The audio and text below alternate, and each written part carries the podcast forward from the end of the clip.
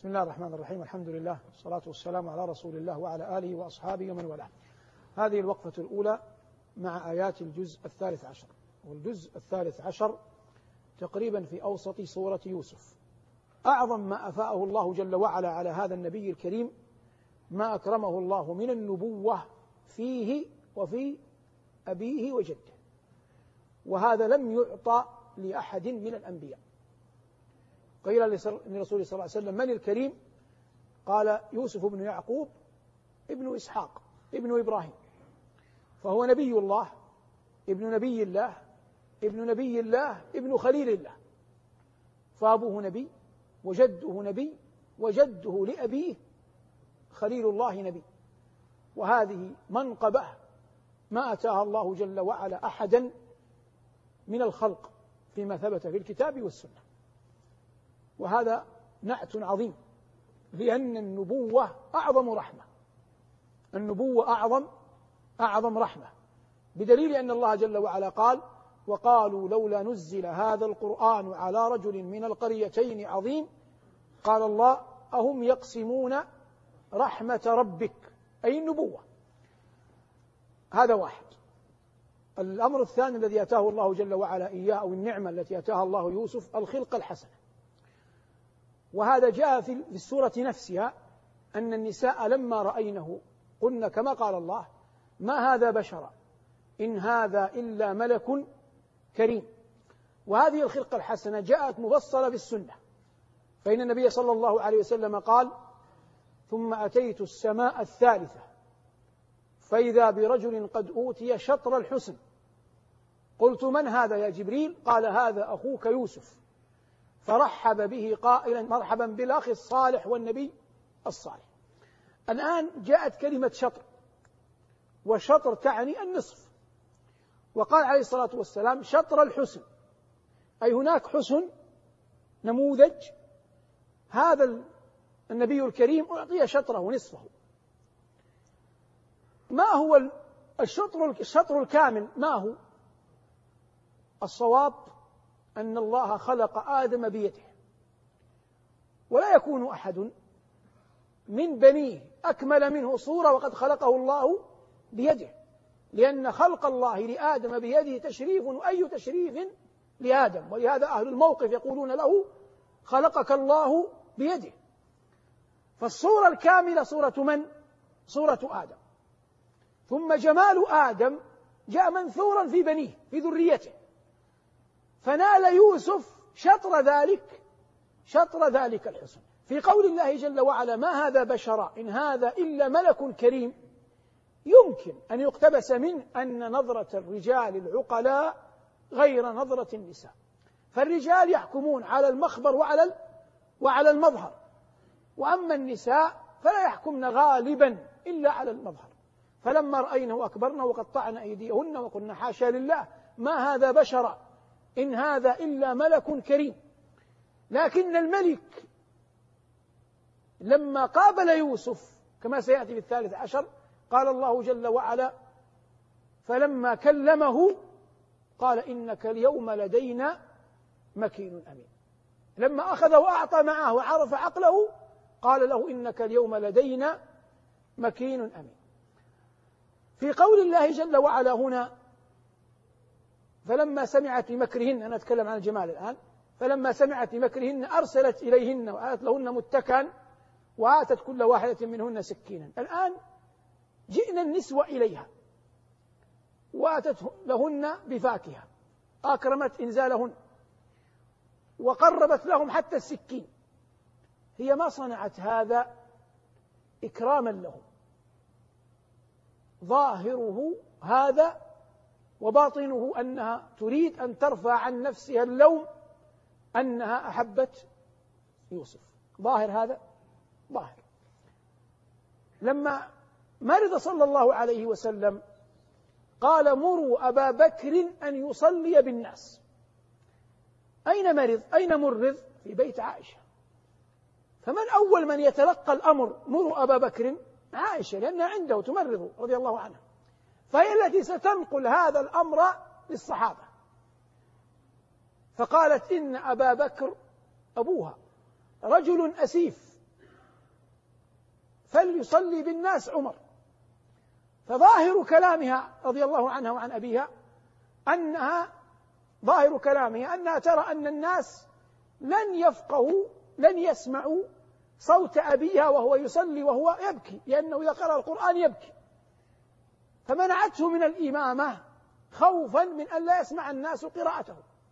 هذا الظاهر. وهي لا تريد هذا.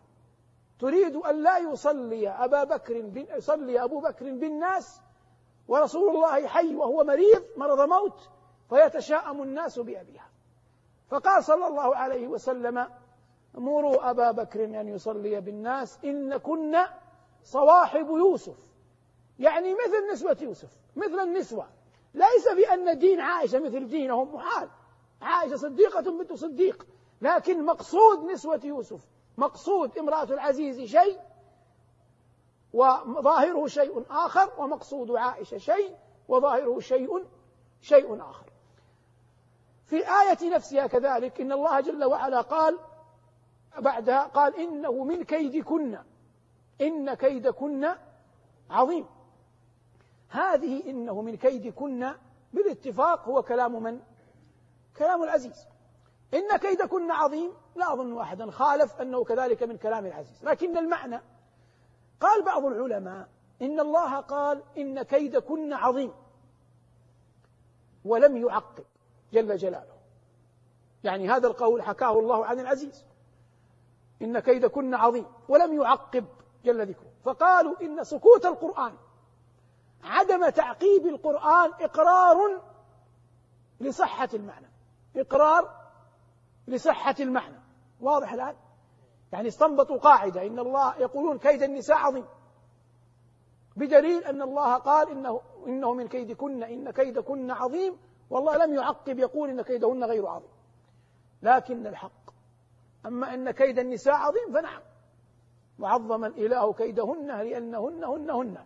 لكن أما الأخذ قاعدة أن من لم يعقب الله عليه يدل على إقراره غير صحيح. بنيت على هذه القاعدة مسائل عقدية خاطئة. فبعض المفسرين المعاصرين عفى الله عن الجميع قال في قول الله جل وعلا قال الذين غلبوا على أمرهم لنتخذن عليهم مسجدا. فقالوا إنها القرآن لم يعقب. لأنما اختلفوا قال الذين غلبوا على أمرهم لنتخذن عليهم مسجدا بنوا مسجد على قبر أصحاب الكهف.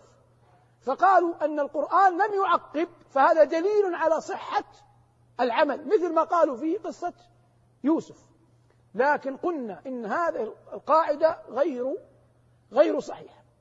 فكيف يخرج كلا الحالين؟ يخرج كلا الحالين كالتالي. أما إن كيد النساء عظيم فهذا يدل عليه الواقع. ولا يجادل في هذا أي أي رجل لا مؤمن ولا ولا كافر. ولا يلزم كذلك أن ينسب إلى الله. هذا الأولى. أما الثانية فالله جل وعلا أخبر أنه عثر على هؤلاء الفتية ثم إن أهل زمانهم اختلفوا فيهم ماذا يصنعون بهم؟ فأصحاب القوة أصحاب النفوذ أصحاب القرار بتعبير القرآن يقول قال الذين غلبوا والغلبة تطلق أول ما تطلق على القوة على السلاح.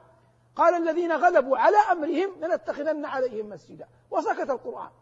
القرآن هنا لم يقل إن هذا العمل صواب ولم يقل إن هذا العمل خطأ. سكت عنه. لما سكت القرآن عنه أصبح من المحكم من المتشابه؟ من المتشابه لأن الله لم يقل هنا صواب العمل أم خطأ. فأحتاج إلى مرجح آخر. المرجح الآخر الذي يفصل في القضية الله قال وأنزلنا عليك الذكر لتبين للناس. ما الذكر؟ القرآن. ومن الذي يبين القرآن؟ السنة. وهو صلى الله عليه وسلم قال في الصحيحين كما في الصحيحين في مرض موته يعني غير قابل للنسخ. قال لعن الله اليهود والنصارى اتخذوا قبور أنبيائهم مساجد. تقول أم المؤمنين يحذر ما صنعوا. إذا هذا فصل في القضية. لا يأتي أحد يبني قاعدة خطأ ثم يقول يجوز بناء المساجد على القبور بأن الله سكت عن أهل الكهف. يوم الإنسان يأخذ القرآن بفهم بين وطريقة واضحة ومنهج صحيح وآلة محكمة حتى يصل إلى إلى نتيجة سوية. إذا توافر كل ذلك. فالله فالنبي صلى الله عليه وسلم أنزلت عليه لنتخذن عليهم مسجدا. ولا يمكن أن يقول الرسول قولا يعارض القرآن. لكن الآية لا تحتمل أكثر من أنه خبر قاله الله حكاه الله كما وقع. فلما قال فرعون أنا ربكم الأعلى حكاه الله كما وقع. فرعون قال أنا ربكم الأعلى. فالله حكى خبرا حدثا واقعة حصلت فأخبر الله جل وعلا عنها كما كما وقعت. هذا ظاهر؟ ظاهر. الخصيصة الثالثة التي أتاها الله جل وعلا يوسف القدرة على تعبير الرؤيا. القدرة على تعبير الرؤيا. ويعلمك من تأويل الأحاديث. وهذه ظاهرة دل عليها كيف أنه بين للملك ماذا سيقع وبنى عليه السلام سياسة دولة اقتصادية لمدة خمسة عشر عاما بناء على بناء على رؤيا. وفي الوقفتين التاليتين إن شاء الله نبين بعضا مما في هذه الصورة. تعالوا ساعة نؤمن جميعا. مع القرآن. مع القرآن. هذه الوقفة الثانية من الجزء الثالث عشر. ونحن ما زلنا في خبر نبي الله يوسف وننبه إلى أن يعني قصته معروفة لكن سنحاول قدر الإمكان أن نقرب ما فيها لأن ليس الدرس مخصوصا به شرح قصة يوسف. قال الله جل وعلا كذلك كدنا ليوسف. ما معنى كدنا ليوسف؟ لما قدم بنيامين مع قومه مع إخوته في المرة الأخرى أراد يوسف أن يستبقي بنيامين عنده مع احتفاظه بأن إخوته لا يعرفونه أي لا يعرفون شخصية يوسف. ويحتاج إبقاء بنيامين إلى طريقة ما. جهلها يوسف. فعلمه الله طريقة يستبقي بها أخاه.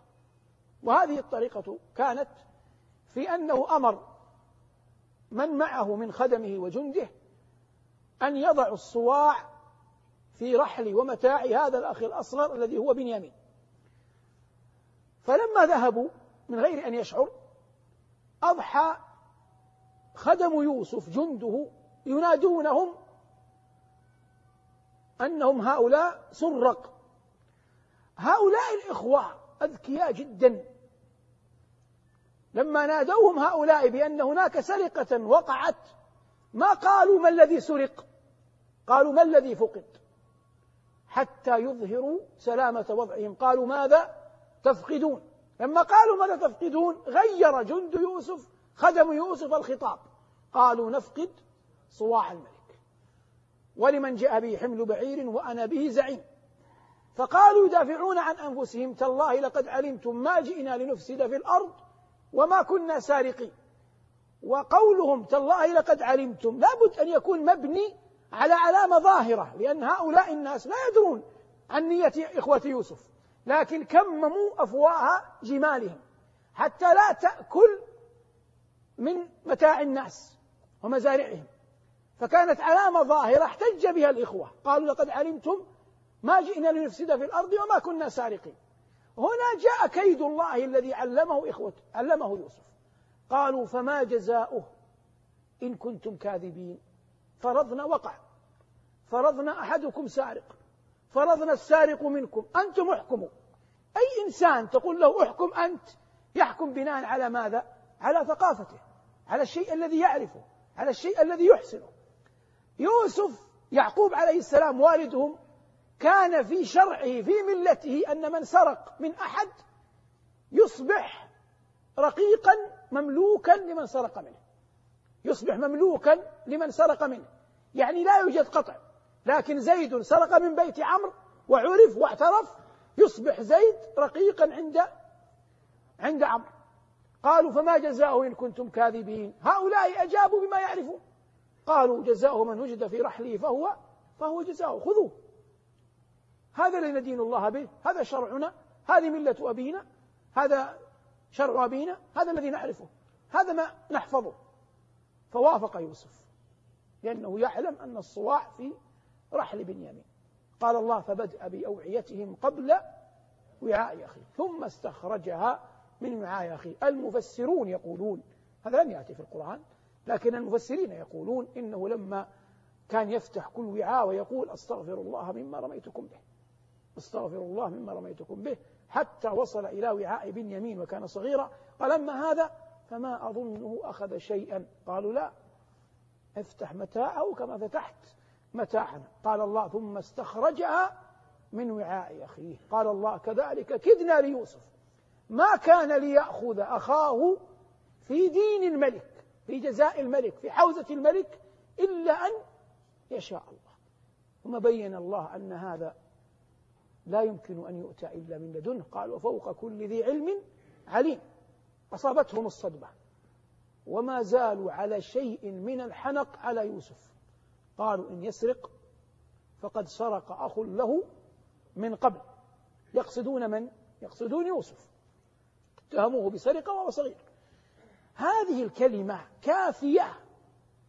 وهم غرباء ضعفاء وهو ملك عزيز مصر أن يبطش بهم. لكن ما الحزم؟ تجرع الغصص حتى انتظار الفرص.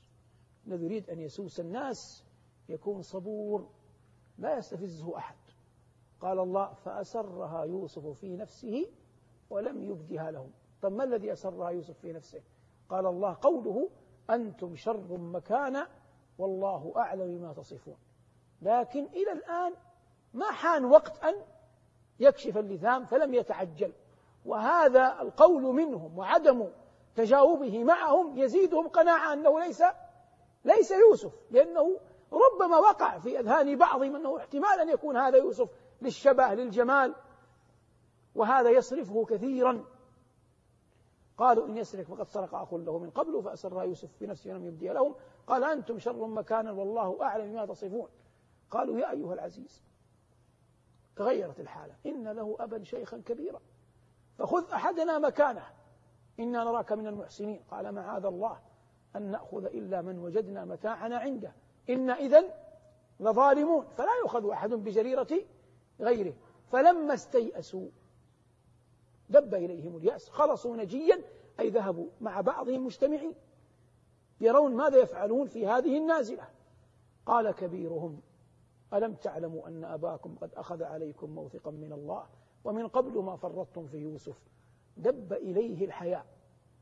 يقول أنا قبلت منكم في الأول أن آخذ القميص وأذهب إلى أبي وأنا القدوة لكم.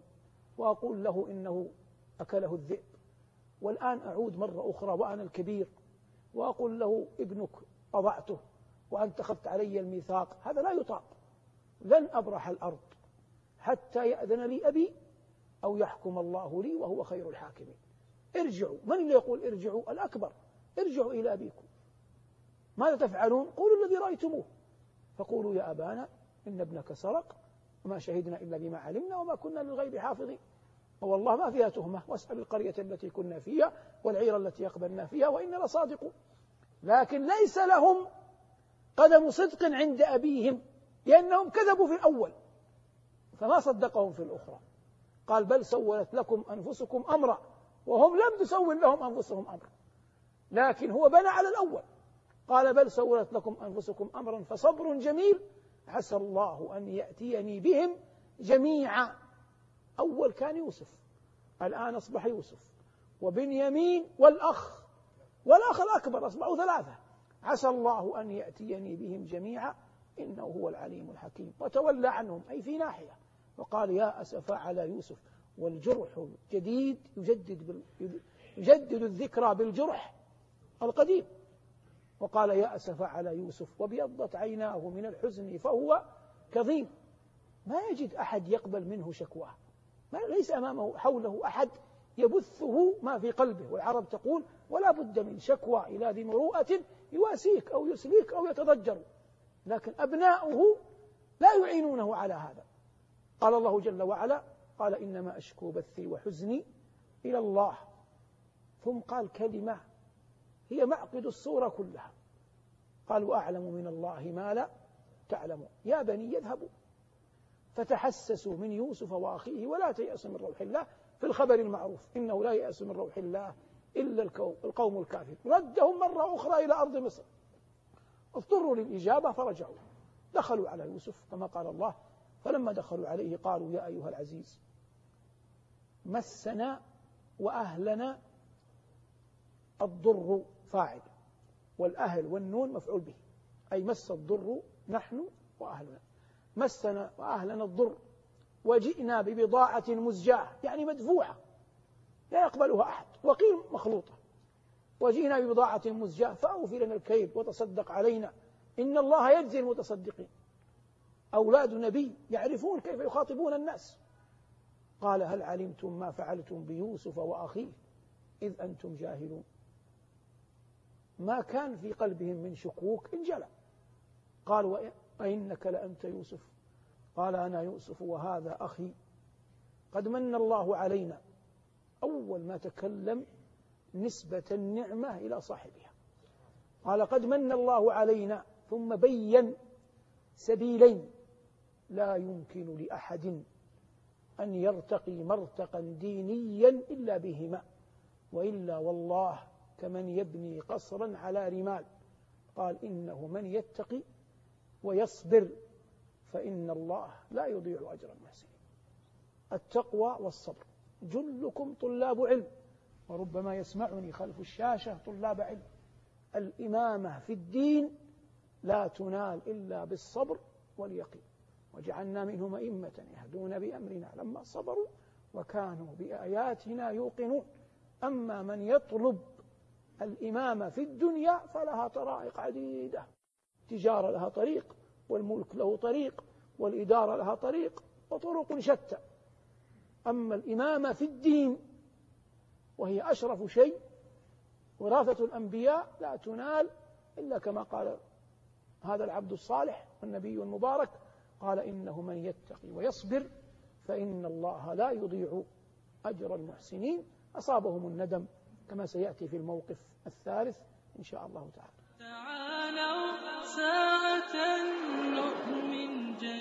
مع القرآن. مع القرآن. هذا الوقفة الثالثة مع الجزء الثالث عشر وجله في سورة يوسف. انتهينا إلى أنه كشف اللثام عن شخصيته. وانتهت الطرائق والمراحل التي مر بها يوسف مع إخوته. قالوا تالله وهذا قسم. والقسم بالله تعظيم له هنا قالوا قالوا تالله لقد آثرك الله علينا. وإن كنا لخاطئين. هذا اعتراف منهم. قابله يوسف بقوله لا تثريب عليكم اليوم يغفر الله لكم وهو أرحم الراحمين. وهذه ظاهرة المعنى. النفوس الكبار إذا قدرت عفت. ولهذا جاء في الآثار إن الملائكة وهي من أعلم الخلق بربها. ثمانية صفوف تحمل العرش. أربعة يقولون اللهم لك الحمد على حلمك بعد علمك. والآخرون يقولون اللهم لك الحمد على عفوك بعد بعد قدرتك. وما لله جل وعلا من صفات جلال وكمال بعضها يرغب المؤمن أن يصنعها وبعضها يحرم أن يقاربها. فالله رحيم ويحب من عباده الرحماء. والله جليل متكبر لكن لا يحب من عباده المتكبرين هنا قال لا تثريب عليكم اليوم يغفر الله لكم وهو أرحم الراحمين وخلع قميصه. قال اذهبوا بقميصي هذا. فألقوه على وجه أبي يأتي بصيرا. وهذا لا يكون إلا بوحي لأنه قطع. قال فألقوه على وجه أبي يأتي بصيرا. يأتي هنا جواب الأمر ولهذا جاءت من دون ياء مجزومة بحذف حرف العلة. يأتي بصيرا. فكأنه قد علم أن أباه ابيضت عيناه. وأتوني بأهلكم أجمعين. قال أصدق القائلين ولما أي حين. فصلت العير يعني خرجت من أرض مصر. لم تصل إلى أرض الشام لكنها خرجت عن أرض مصر. قال أبوهم إني لأجد ريح يوسف. يقوله لمن؟ لمن بقي من أبنائه عنده. لولا أن تفندون. تصفوني بما ليس فيه قالوا تالله إنك لفي ضلالك القديم. قال أصدق القائلين فلما أن جاء البشير يقال إن الأخ الأكبر هو الذي حمل القميص. وقال كما أحزنته به أفرحه به. فأتى به قال الله جل وعلا فلما أن جاء البشير ألقاه أي القميص على وجهه فارتد بصيرا. هنا عاد لمعقد القصة. قال ألم أقل لكم إني أعلم من الله ما لا تعلمون. العلم عن الله يكون بالوحي وهذا أعظمها. ولا يقبل هذا الخطأ. ويكون بالرؤيا وهذا يحتمل الخطأ لأنه قد يكون للرؤية معنى غير الذي رأيت. ويكون أحيانا نور يقذفه الله جل وعلا في قلب بعض بعض عباده. لكنه كذلك لا يجزم به ولا يعتمد عليه في أحكام شرعية. قال إني أعلم من الله ما لا تعلمون؟ قالوا يا أبانا استغفر لنا ذنوبنا إنا كنا خاطئين. قال سوف أستغفر لكم ربي. أخرها بعض العلماء يقول إنه أخرها يترقب ساعة السحر حتى يكون أدعى للإجابة. وهذا عندي بعيد. لما بعيد؟ لأنه لا يمنع أن يقول لهم في وقت الحال أستغفر الله لكم وفي السحر يستغفر الله لهم بالإمكان أن يدعو الله لهم وهم يطلبونه ثم إذا جاء السحر يدعو مرة أخرى ويدعو مرة أخرى لا يوجد ما يمنع إذا لماذا قال سوف أستغفر لكم ربي؟ أراد أن يؤدبهم. ولا يفرحهم بما صنعوا وحتى يبقى أثر خطئهم في نفوسهم أنه واعظ وزاجر لهم من أن يقع منهم شيء. فهو سيعفو بدليل قوله سوف أستغفر. لكنه لم يعفو في الحال حتى يبين لهم جلال المصاب. ويوسف عليه السلام غفر لهم مباشرة لأنه صاحب القضية. لكن الإساءة للأخ ليست كالإساءة لمن؟ للوالد. فيوسف أخوهم والحسد بين الأقران بين الإخوة وارد. لكن القضية كيف أنهم أدموا قلب أبيهم بصنيعهم بأخيهم ولهذا قال سوف أستغفر لكم ربي إنه هو الغفور الرحيم. انتقلوا من أرض الشام إلى أرض مصر دخلوا على نبي الله. فلما دخلوا على يوسف آوى إليه أبويه. مر معنا أن تحتمل أمه وأبوه وهذا ظاهر القرآن. ويحتمل أن أمه ماتت. فمن قال إن أمه ماتت في ولادة بنيامين احتج بأن الله لم يذكر خبر الأم في القصة كلها. ولا ريب أنه لو كانت أمه حية هذا قولهم لكان حزنها على ابنها ظاهر والقرآن أغفله لم يذكره. وعلى العموم هذا غيب لا نملك الجزم فيه. فلما دخلوا على يوسف آوى إليه أبويه وقال ادخلوا مصر إن شاء الله آمنين ورفع أبويه على العرش. ما العرش؟ أي سرير له قوائم يوصف بحسب استعماله. فإن وضعنا عليه جنازة فهو نحش. وإن نمنا عليه فهو سرير. وإن جلس عليه ملك فهو فهو عرش. وإن جلس عليه ملك فهو فهو عرش. وإن نمنا عليه فهو سرير. وإن وضعنا عليه جنازة وهو محمول. له قوائم فهو فهو نحش. ورفع أبويه على العرش وخروا له سجدا الجميع. لأن خروا واو جماعة تعود على أقرب مذكور على أبويه وإخوانه. هذا السجود مهم أن تفقه أنه سجود تحية لا سجود لا سجود عبادة. محال العبادة لا تكون إلا لله. وخروا له سجدا وقال أي يوسف يا أبت هذا تأويل رؤياي من قبل. هذه الرؤيا هي التي رحم الله بها يعقوب. منذ أن جاء يوسف وهو ابن سبع سنين وقال لأبيه إني رأيت أحد عشر كوكبا والشمس والقمر رأيتهم لي ساجدين فهم يعقوب أن هذا الإبن سيبلغ مجدا عظيما وموئلا كريما وأنه لن يموت صغيرا. هذا هو النور الذي كان من خلاله ينتظر يعقوب الفرج. وهذا من رحمة الله بعباده. ولهذا قال الخضر لموسى وكيف تصبر على ما لم تحط به خبرا الآن لو حكم على رجل بالسجن كيف تريد تقتله حقا من غير أن يموت؟ لا تقل له كم حكمنا عليك سيموت لأنه يريد أن يعرف. لكن لو أخبرته يتكيف مع السنين التي أخبرته بها. فالأمر المعلق دائما يحدث نزاعا في النفس. فهذه الرؤيا كلما اشتد الكرب يتذكر يعقوب برحمة الله تلك الرؤيا وأن يوسف بخير وعافية. لكن الواقع آنذاك لا يشهد بذلك فتختصم في قلب يعقوب ما يختصم من هذا وذاك لبشريته فأصابه ما ما أصابه. هذا تأويل رؤيا من قبل وقد جعلها ربي حقا وقد أحسن بي. إذ أخرجني من السجن وجاء بكم من البدو من بعد أن نزغ الشيطان بيني وبين إخوتي.